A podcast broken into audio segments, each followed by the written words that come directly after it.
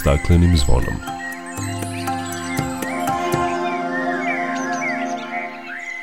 Dobar dan i dobrodošli na Zeleni talas prvog programa radija Radio Televizije Vojvodine. Ja sam Dragana Ratković. Gubitak biodiverziteta i kolaps ekosistema smatraju se jednim od globalnih rizika koji će najdrastičnije da se pogoršaju u narednoj deceniji, navodi se u analizi Svetskog ekonomskog foruma. Na skupu u Davosu Svetska organizacija za zaštitu prirode WWF lansirala je novi alat filter rizika biodiverziteta. Čućete o kakvom alatu je reč i kome je namenjen kako bi se smanjile emisije gasova s efektom staklene bašte od 2025. u Tokiju će na svim novim kućama biti obavezno postavljanje solarnih panela. Govorit ćemo o tome koliko mi koristimo obnovljive izvore energije, o aktivnostima na uređenju gradskog parka u Vršcu, kao i o akciji Ptice moje hranilice Društva za zaštitu i proučavanje ptica Srbije. O ovim i drugim temama više nakon pozdravne pesme dok priroda kraj nas plače? Za vladarskim svojim tronom tužno vele narikače pod staklenim nismo zvonom. Znaj vazduha više nema sve manje je i ozona. Protiv sebe ide čovek i to često bez pardona. Uništenju živog sveta Kao da su ljudi skloni. Čovek sam je sebi meta Zbog njega ovo zvono zvoni. Uništenju živog sveta Kao da su ljudi skloni Čovek sam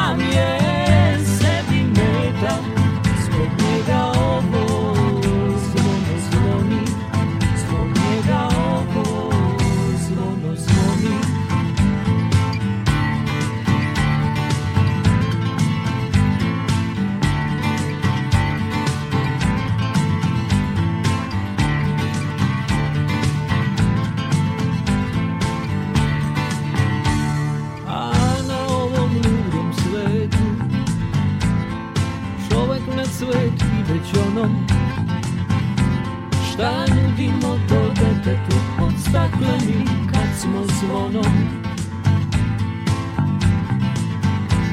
Uništenju živog sveta Kao da su ljudi skloni. Čovek sam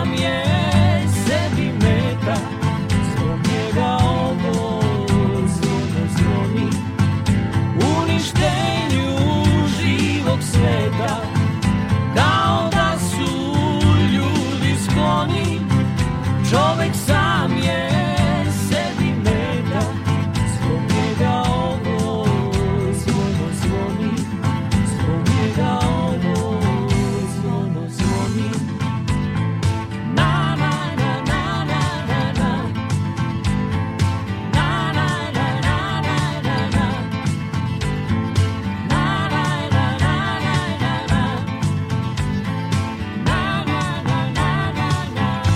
Svet ulazi u doba kombinovanih kriza usled kojih se javljaju nestašice resursa, a rasplet će direktno zavisiti od odnosa prema zaštiti životne sredine i ublažavanju klimatskih promena na globalnom nivou, navodi se u izveštaju Svetskog ekonomskog foruma.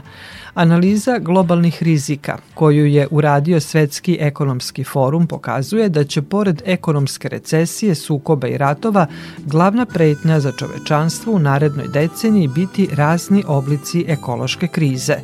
U naredne dve godine rizik je najveći na polju troškova života, dok je pretnja od neuspeha klimatske akcije, ublažavanja i prilagođavanja na klimatske promene okarakterisana kao najveći rizik sa kojim će se čovečanstvo suočiti u sledećoj deceniji.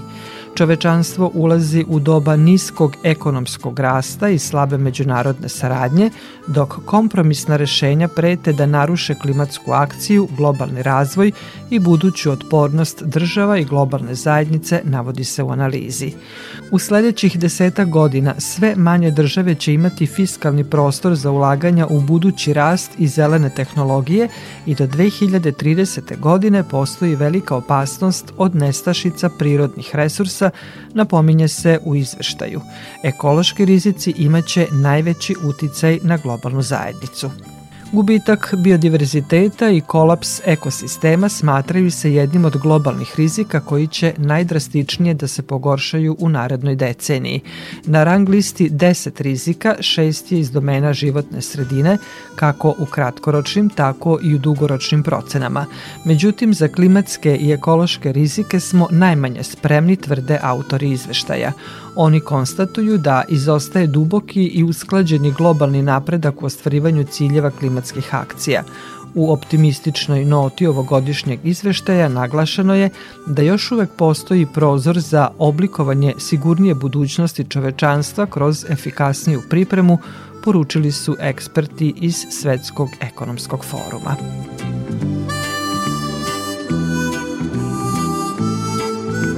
Čuli ste, gubitak biodiverziteta i kolaps ekosistema smatraju se jednim od globalnih rizika koji će najdrastičnije da se pogoršaju u narednoj deceniji.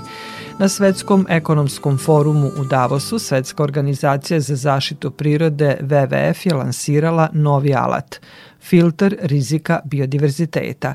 O kakvom alatu je reč, kome je namenjen i zašto je predstavljen baš na ekonomskom forumu, razgovaram sa mojim gostom, Urošom Delićem, menadžerom za saradnju sa korporativnim sektorom WWF Adrije. Uroše, dobrodošli na talase Radio Neog Sada. Bolje vas našao i pozdrav vaše slušalce. Svetska organizacija za zaštitu prirode WWF je lansirala novi alat filter rizika biodiverziteta. O kakvom alatu je reč? Svakako, hvala vam na interesu za ovu temu i evo kao što ste rekli, upravo jeste promovisan ovaj novi alat, zovemo ga filter rizika biodiverziteta. Suštinski to je besplatni online alat namenjen kompanijama kako bi mogle da procene svoj negativan utice na biodiverzitet, kao i da odrede koji su to prioritetne ulaganje u ovoj oblasti. Dakle, ovaj filter rizika svakoj kompaniji prema njenim parametrima poslovanja, proizvodnje, uopšte svakakvog utice na prirodu koju kompanija u toku svog poslovanja ostvari, daje im e, neki rezultat i po našim iskustvima i dosadašnjim procenama većina velikih kompanija se nalazi u srednjem ili čak visokom riziku kad je u pitanju njihov negativan utjecaj na biodiverzitet. Sa druge strane, korišćenjem ovog alata kompanije dobijaju konkretne smernice i uputstva šta u svom poslovanju da promene, da unaprede, kako bi imali manji negativan utjecaj na, prirodu. Ono što još želim da dodam jeste da WWF već 50 godina sprovodi istraživanja na naučnoj osnovi i imamo puno rezultata koji se e, redovno objavljuju u dokumentu koji se zove izveštaj o stanju planete i tu svako može da vidi stanje biodiverziteta širom, širom sveta i nažalost često i mnoge negativne odnosno loše neke situacije i ocene o, o ovom stanju i zato je ovaj avat i kreiran kao podrška kompanijama koje su naravno veoma važne za funkcionisanje celog sveta, ali sa druge strane su i izvor zagađenja i imaju kako da kažem, potrebu da transformišu svoje poslovanje kako bi bile održivije. Rekli ste da je alat namenjen kompanijama i finansijskim institucijama koje Tako treba je. da identifikuju sobstvene rizike i uticaj na prirodu. Svi znamo da je veliki pritisak na prirodu, da je gubitak biodiverziteta iz dana u dan sve veći. Možete li nam navesti neki primer u kojim slučajevima bi kompanije trebalo da primene ovaj princip? Pre svega podelit ću podatak sa vama da prema istraživanjima Svetske organizacije za zaštitu prirode u ovih 50 godina koliko se intenzivno globalno rada ta istraživanja, utvrđeno da je broj jedinki divljih vrsta opao za oko 70%. Nažalost, podaci u drugim, da kažem, tim ekološkim parametrima su vrlo nepovoljni, tako da je jasno da postoji izuzetno velika potreba da se što pre reaguje i da se umenja ovi negativni uticaj na, na prirodu. Ono što znamo jeste da je cena aktivacije postala manja od cene nečinjenja, odnosno pasivnog nekog odnosa prema zagađenju prirode i mislim da su to i kompanije postale svesne toga, tako da je decembra prošle godine 330, da kažemo, najvećih svetskih kompanija i o, se obavezalo da će redovno izveštavati o svom uticaju na biodiverzitet, a kad je u pitanju neki konkretan primer e, kako ovakvi alati mogu da pomognu kompanijama, mogu da pomenem i neke primere koje smo imali u Srbiji ili u našem regionu, dakle nešto što je dosta relevantno za nas. Navešću primer jedne velike svetske kompanije u proizvodnji namešta koja postoje u Srbiji, koja je u saradnji sa našom organizacijom u višegodišnjem periodu uspela da unapredi svoje poslovne prakse, tako da, na primjer, kad je u pitanju nabavka drveta, kupuju drvo isključivo iz održivih izvora, dakle iz šuma koje se kontrolisano i organizovano seku i, i samim tim i čuvaju.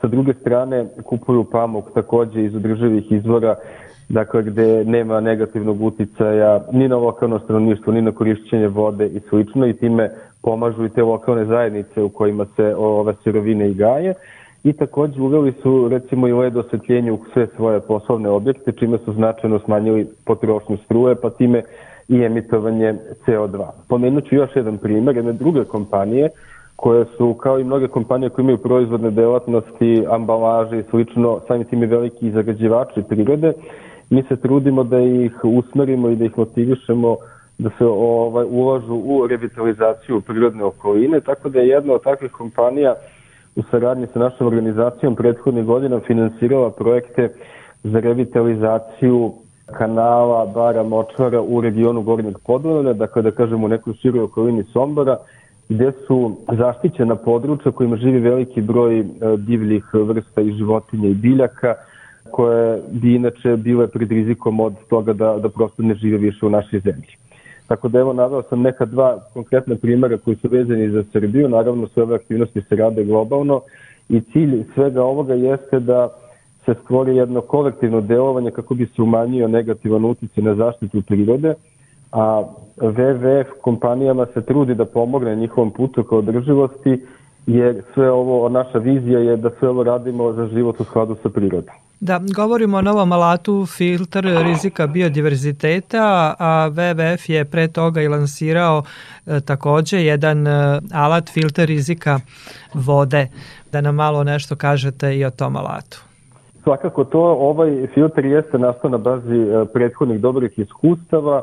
Trudimo se da kompanijama izađemo u susred, tako da kažem, ekviriranjem nekih modela i alata koji su vrlo za njih, e, da kažem, dostupni i donose im istu podatak o tome kakav je uticaj ovih kompanija, eto, kad je u pitanju zaštita voda. Ja sam već pomenuo jedan primer zapravo iz naše zemlje koje proistekuje iz tog filtera, dakle, revitalizacija područja Gornjeg Podunavlja, i to je model koji nadam se da će mnogi druge kompanije da, da preuzmu i da koriste. Mi ćemo se truditi da to promovišemo, da priđemo svima i da im ovo ponudimo, jer svi smo svesni da kompanije imaju veliki uticaj na, na zagađenje i da promenom svog poslovanja i održivim poslovanjem mogu da značajno smanje taj uticaj i da, i da u tom smislu njihovo poslovanje bude manje štetno za našu prirodnu okolinu. A kad je u pitanju zaštita voda, to je jedan od najosnovnijih i najvažnijih resursa za sve nas i u Srbiji ima puno prostora da se tu vrše unapređenja. Naša zemlja jeste relativno bogata vodama, ali ako ne čuvamo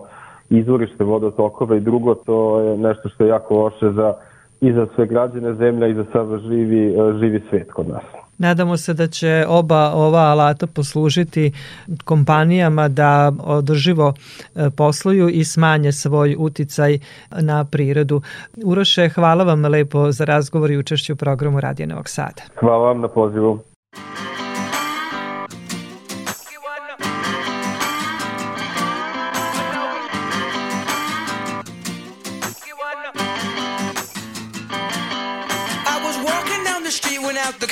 My eye, I saw a pretty little thing approaching me. She said, I never seen a man who looks so all alone. Or could you use a little company? If you pay the right price, your evening will be nice and you can go and send me on my way. I said, You're such a sweet young thing, why you do this to yourself? She looked at me and this is what she said Oh, there ain't no rest for the wicked. Money don't grow on trees.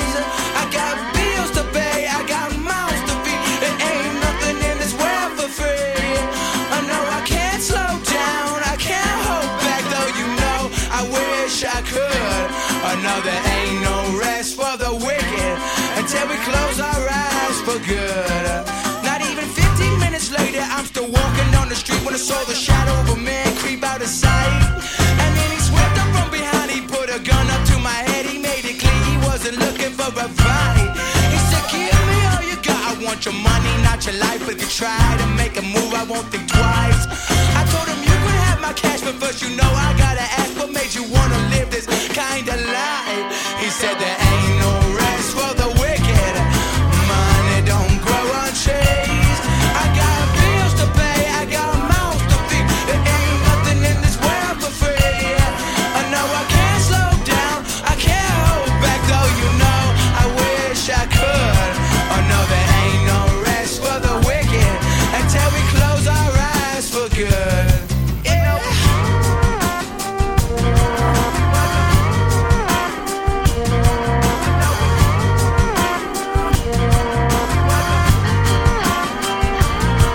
I was a couple hours past, and I was sitting in my house. The day was winding down and coming to an end. And so I turned to the TV and flipped it over to the news. And what I saw, I almost couldn't comprehend. I saw a preacher man in cuffs, he taking money from the church. He stuffed his with righteous dollar bills. But even still, I can't say much because I know we're all the same. Oh, yes, we all seek out to satisfy those thrills. You know, there ain't no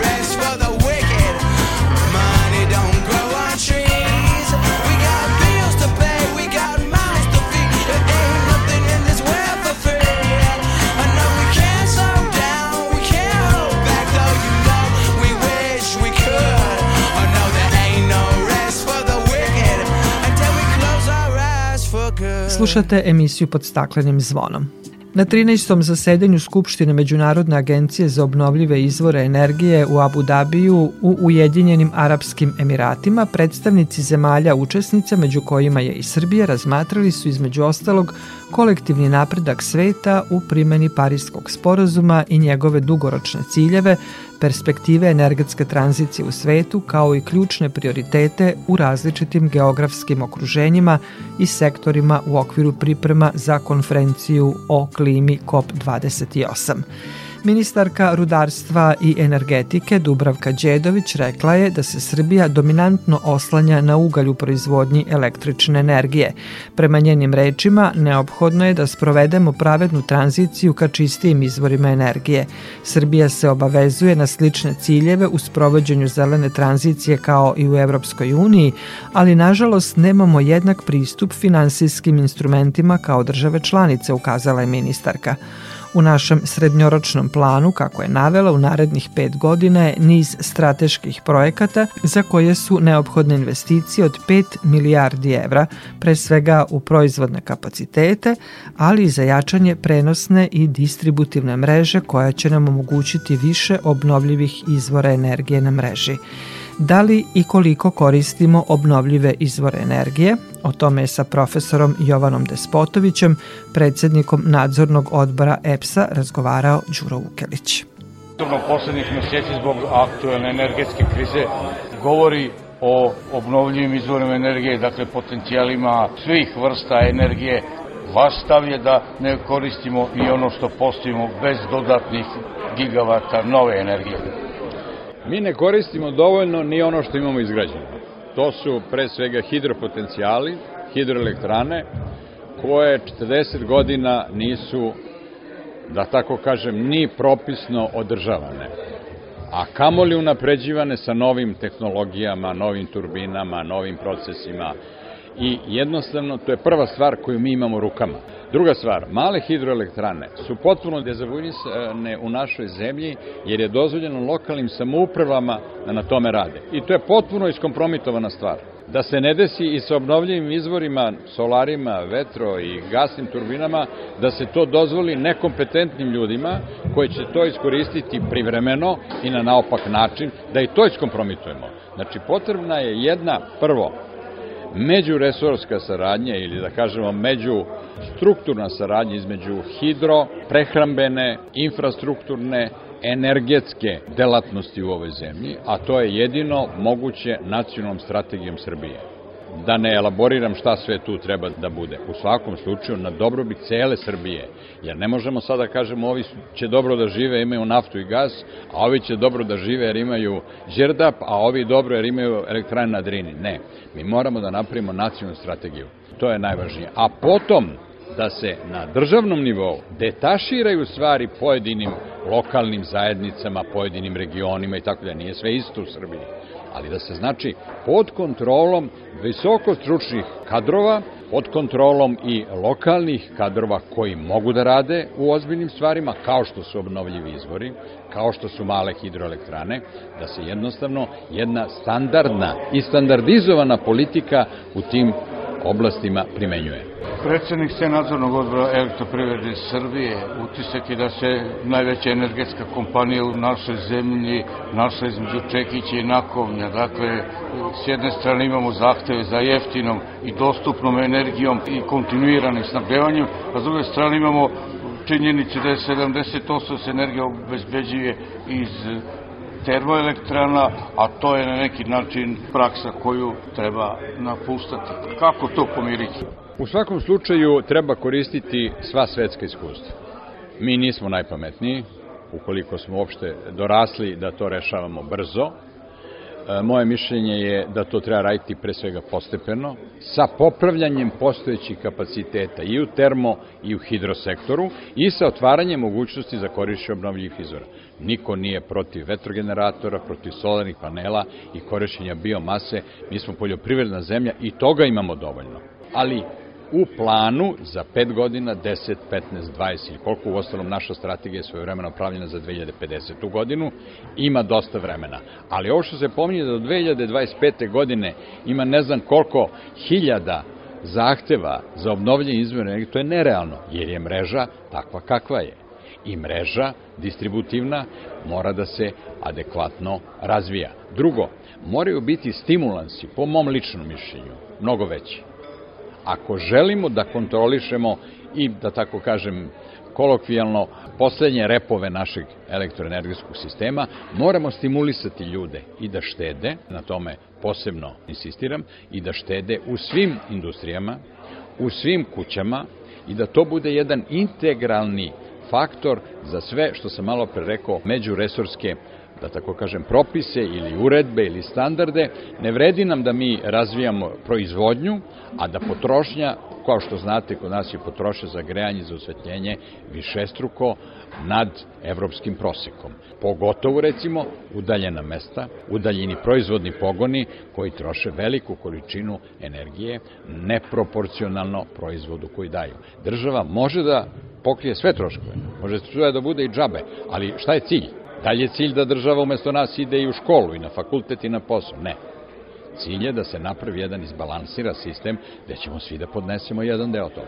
Naročito najbogatiji. I ono što je najvažnije, mi vrlo malo koristimo evropske pare za mnoge stvari koje bi mogle da se iskoriste. Pogotovo u aspektu, u domenu zaštite životne sredine. Ja moram na kraju da kažem i nešto što će mnoge da iznenadi. EPS ima veliko bogatstvo u pepelu Ljudi ne znaju čemu on služi. U celom svetu je pepeo iskorišćen preko 95%.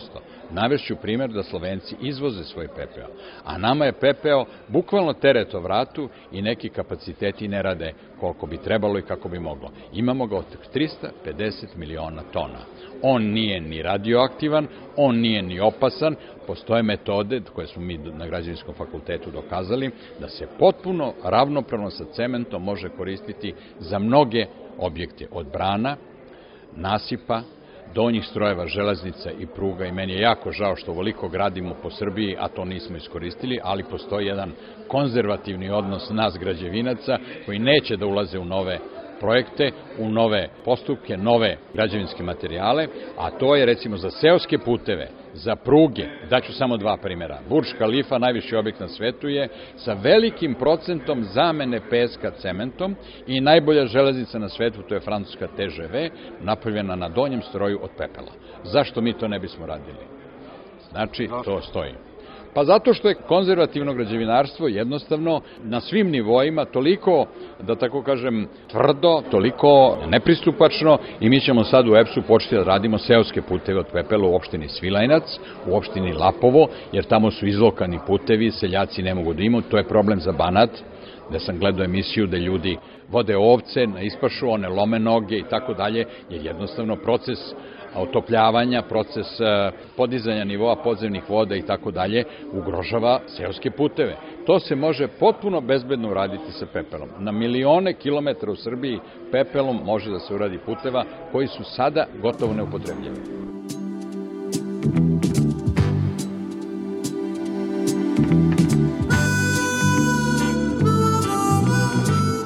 I u nastavku emisije govorimo o korišćenju obnovljivih izvora energije u svetu kako bi se smanjila emisija gasova sa efektom staklene bašte. Na svim novim kućama male i srednje površine u Tokiju, koje će vodeće građevinske kompanije graditi od aprila 2025. biće obavezno postavljanje solarnih panela, najavile su lokalne vlasti. Ovim poduhvatom teži se smanjenju emisija ugljen dioksida koje dolaze od domaćinstva, ali i rasterećenju ekonomije od efekata energetske krize. Tokijski krovovi imaju ogroman potencijal za generisanje zelene energije koji je trenutno većinski neiskorišćen s obzirom na to da je tek 4% odgovarajućih prostora opremljeno solarnim panelima, a njihova solarizacija mogla bi da bude važan alat za sprovođenje cilja Tokija da do kraja decenije prepolovi emisije ugljenika. Kako se navodi, solarna elektrana od 4 kW spreči oslobađanje jednake količine ugljen dioksida koji upije oko 200 stabala kedra. Pored doprinosa dekarbonizaciji, korist će osetiti i sami građani koji bi mogli da uštede oko 50 evra mesečno na računima, odnosno oko 600 evra godišnje. Dodatno, uz obnovljive izvore stanovništva će imati struju čak i kada ona nestane, a oni koji se odluče i za ugradnju baterija biće pripremljeni i za vanredne situacije. Japan je inače peti emiter ugljen dioksida na svetu, teži karbonskoj neutralnosti do 2050. godine. Na tom putu prepreku mu predstavlja rastući udeo uglja u potrošnji energije nakon katastrofe u Fukushimi 2011. zbog koje su ugašeni skoro svi nuklearni reaktori u zemlji. Obaveza izgradnje solarnih elektrana elektrana na novoizgrađenim kućama u Tokiju ozelenit će energetski miks, ali ovoj taktici nije pribegao samo Japan.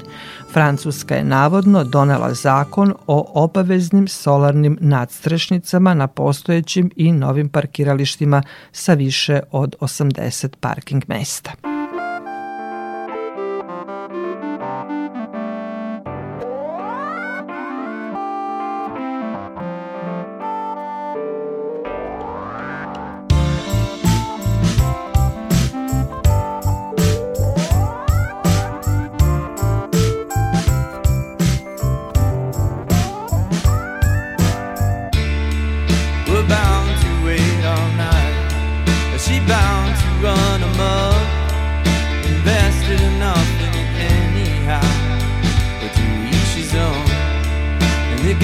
Sorting out. She curled her lips on her brow.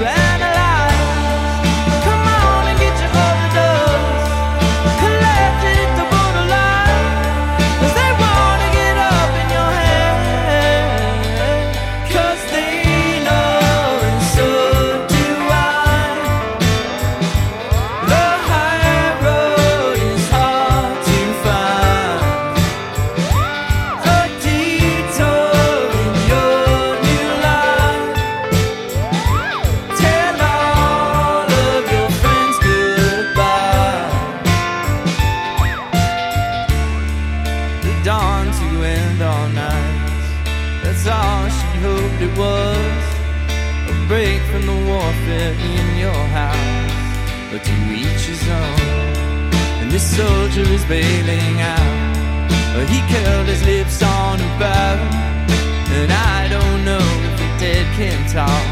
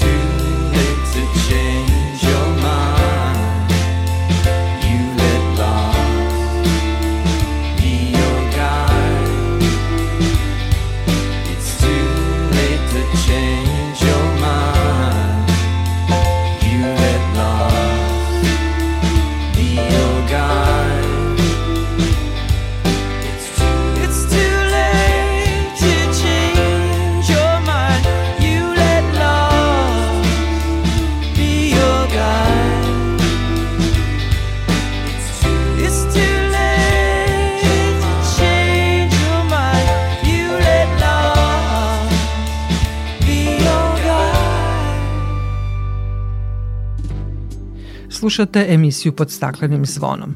Zbog obilnih kiša proteklih dana došlo je do porasta vodostaja na pojedinim rekama. Ibar i Lim su se izlili na pojedinim mestima što je izazvalo poplave.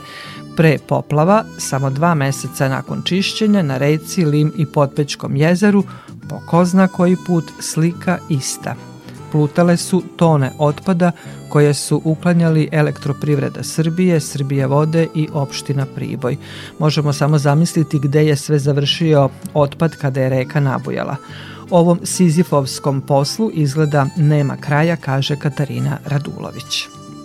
Od Plava preko Berana, Bijelog polja i Prijepolja do Priboja i Rudog. Svaki povišeni vodostaj reke Lim već godinama sa sobom iz ovih opština donese na tone smeća koje zatrpa Potpećko jezero. Na rečnoj pregradi ili lančanici koja se proteže preko ovog jezera neka 3 km uzvodno od hidroelektrane Potpeć, a koju je postavilo Ministarstvo zaštite životne sredine Republike Srbije, samo dva meseca nakon završetka prethodnog čišćenja ponovo pluta na tone otpada. Kao i tada, i ovog puta jezero čiste elektroprivreda Srbije, Srbija vode i opština Priboj, ali se čini da ovom Sizifovom poslu nema kraja. Za Radio Novi Sad govori Predrag Šaponjić, direktor Limskih elektrana. Lim protiče kroz pet opštine u Crnoj Gori i tri opštine u državi Srbiji. Na obalama Lima živi negde oko 180.000 stanovnika. Te opštine prikupe na godišnjem nivou negde oko 45.000 tona otpadi. Ako samo mali deo te otpadi završi u Limu, mi imamo ekološku katastrofu. Opština Priboj je najugroženija u slivu Lima jer pet opština u Crnoj Gori kroz koje protiče ova reka nema sanitarnu deponiju i svoj otpad skladišti na obalama, a potom Limom. Taj otpad stiže u Srbiju i ugrožava rad hidroelektrane Potpeć.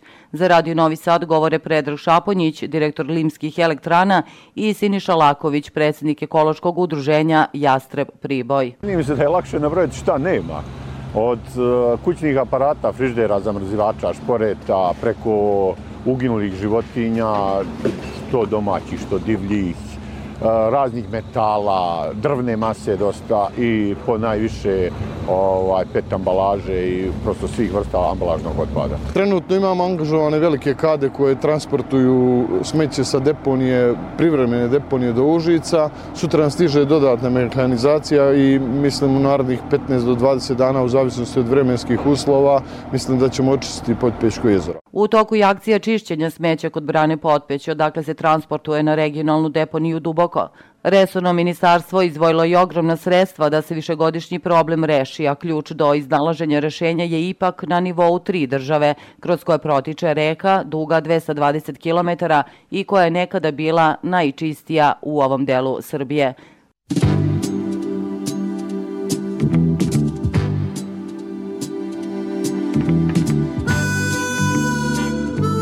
A lepo vreme ove zime omogućilo je da se nakon 75 godina u gradskom parku u Vršcu poseku stara i obolela stabla, a posade nova. Pored toga, u toku je izrada zelenog katastra, popis svih drvoreda u gradu, kao i stanje u kome se nalaze, kako ne bi došlo do pada drveća usled jakih naleta vetra koji duvaju u Banatu. O tome iz Vršca Ana Marić.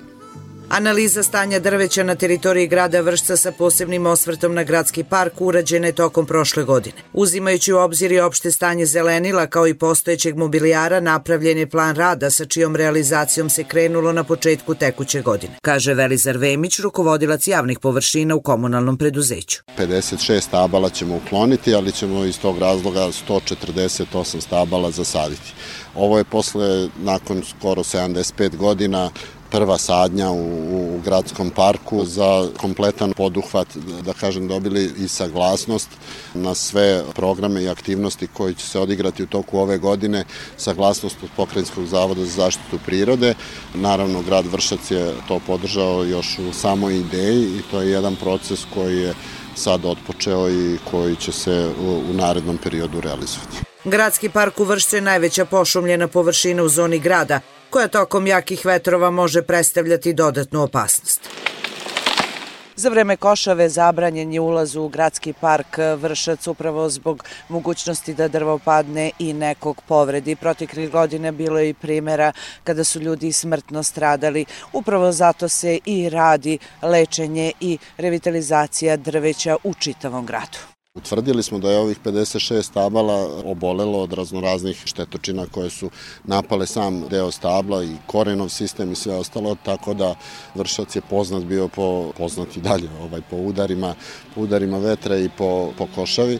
Iz tog razloga dolazilo je do obaranja stabala, do pada i u, u većini slučajeva materijalne štete, ali nažalost bilo je i žrtava koje su ne samo u parku, nego i u drvoredima grada Vršca bile pojava. U gradskom parku biće zasađeno 148 visokih lišćara, a nakon toga sledi zanavljanje drvoreda u samom gradu i lečenje postojećih kao i sadnja novih sadnica.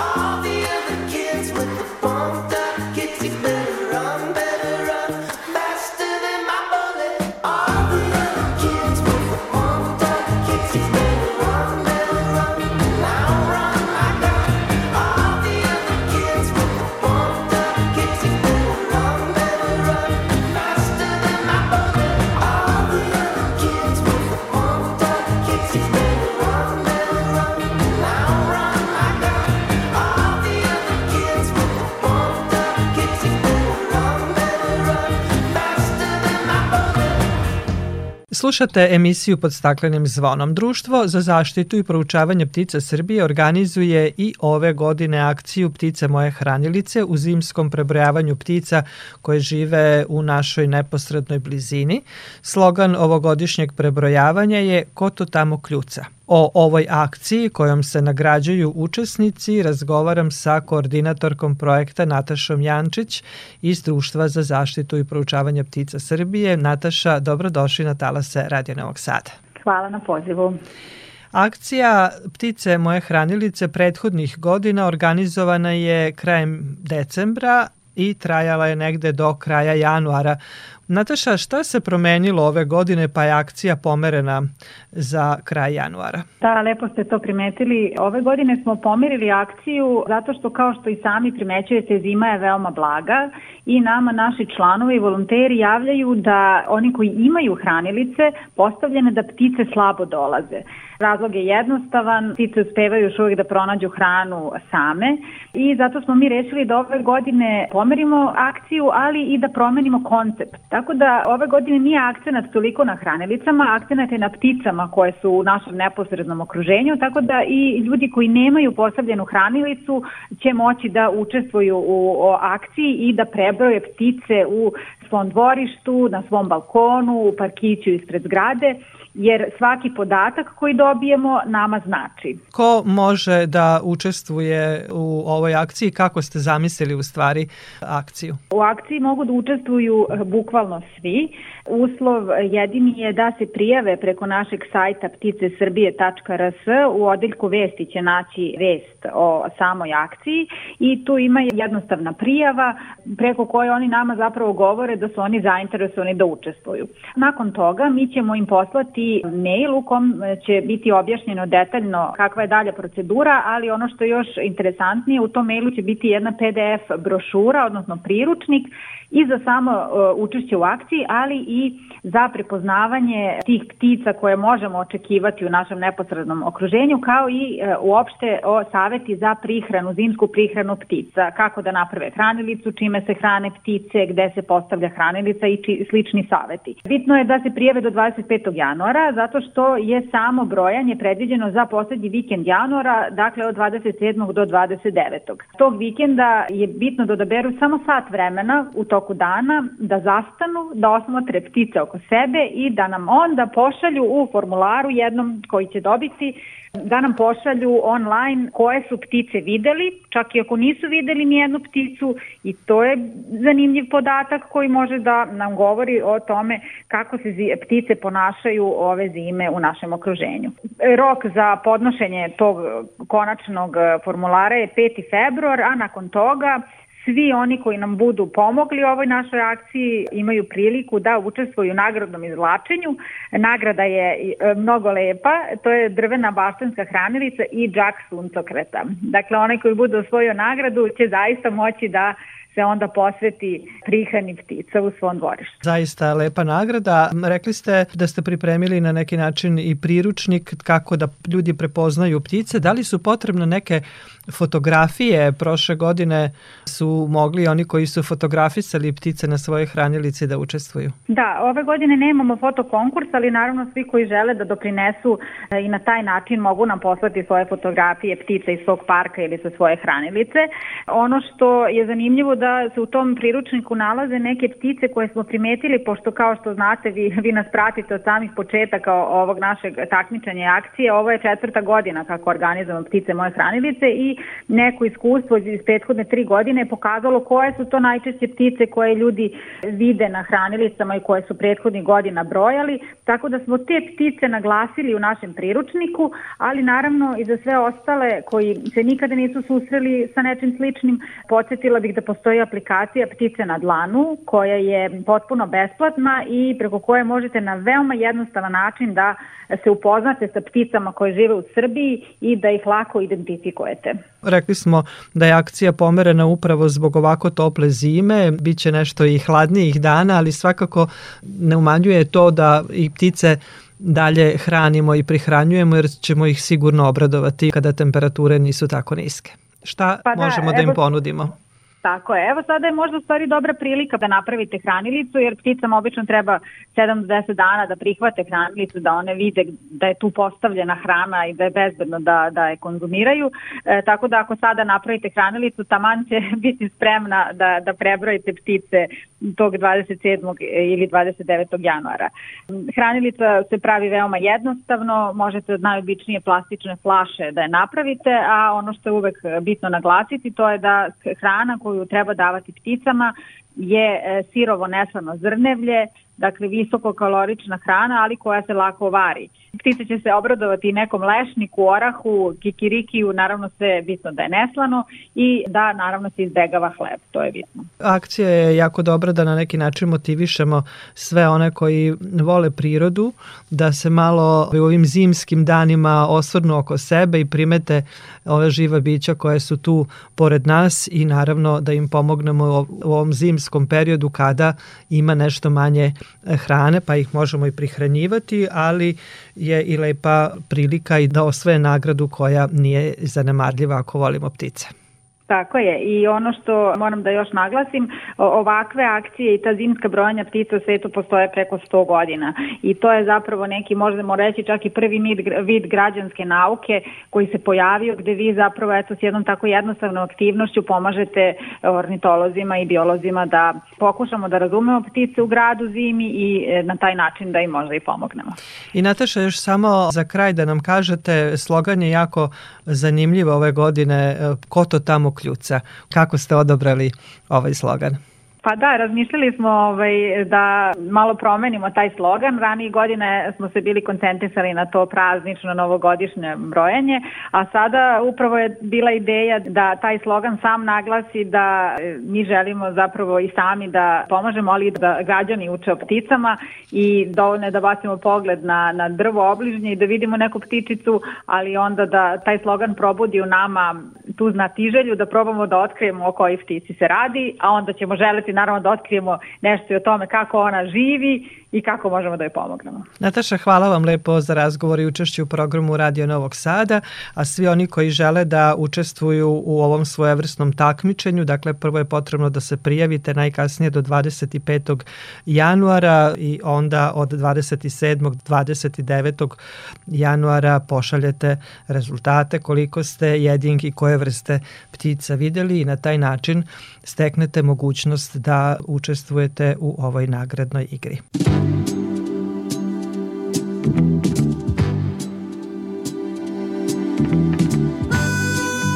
Slušate emisiju pod staklenim zvonom. Društvo stručnjaka ekoloških nauka Srbije i ove godine raspisalo je poziv za dodelu priznanja koje se dodeljuje za oblast zaštite životne sredine. Tim povodom na telefonskoj liniji je podpredsednik udruženja kolega Branislav Marinkov. Bane, dobrodošli na Talas Radija Novog Sada.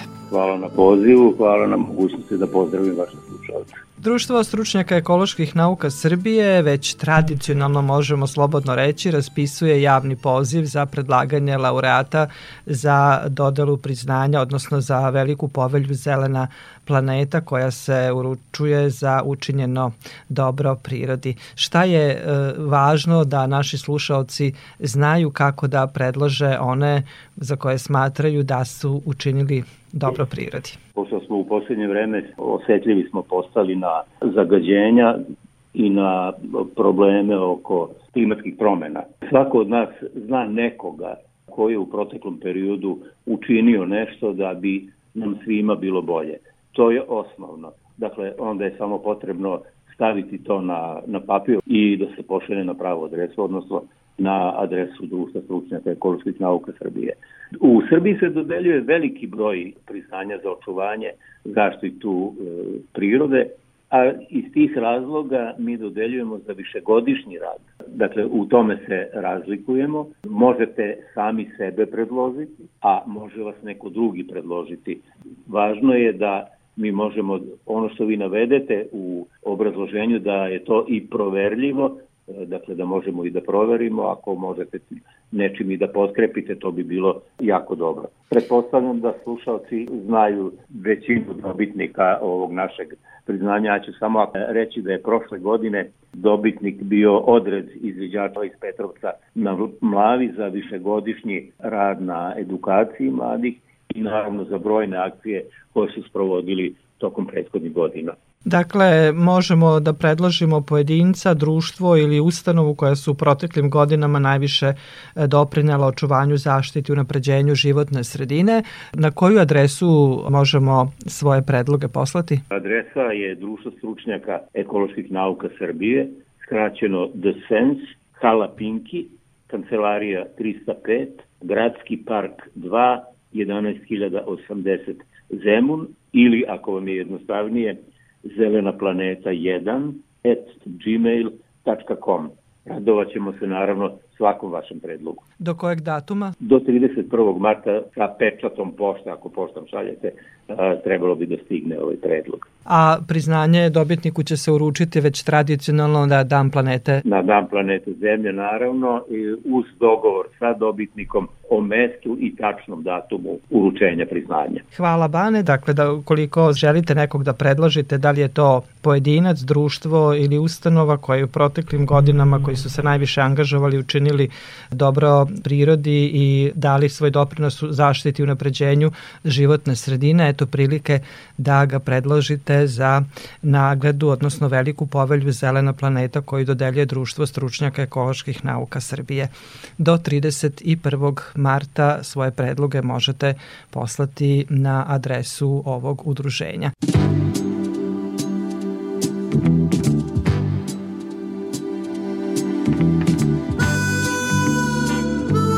Toliko u ovom izdanju emisije pod staklenim zvonom koji možete slušati i odloženo na podcastu Radio Televizije Vojvodine na adresi rtv.rs. Sa vama su bili Sabina Nedić, Zoran Gajinov i Dragana Ratković. Naredni susret zakazujemo za sedam dana u isto vreme na zelenom talasu prvog programa radija Radio Televizije Vojvodine.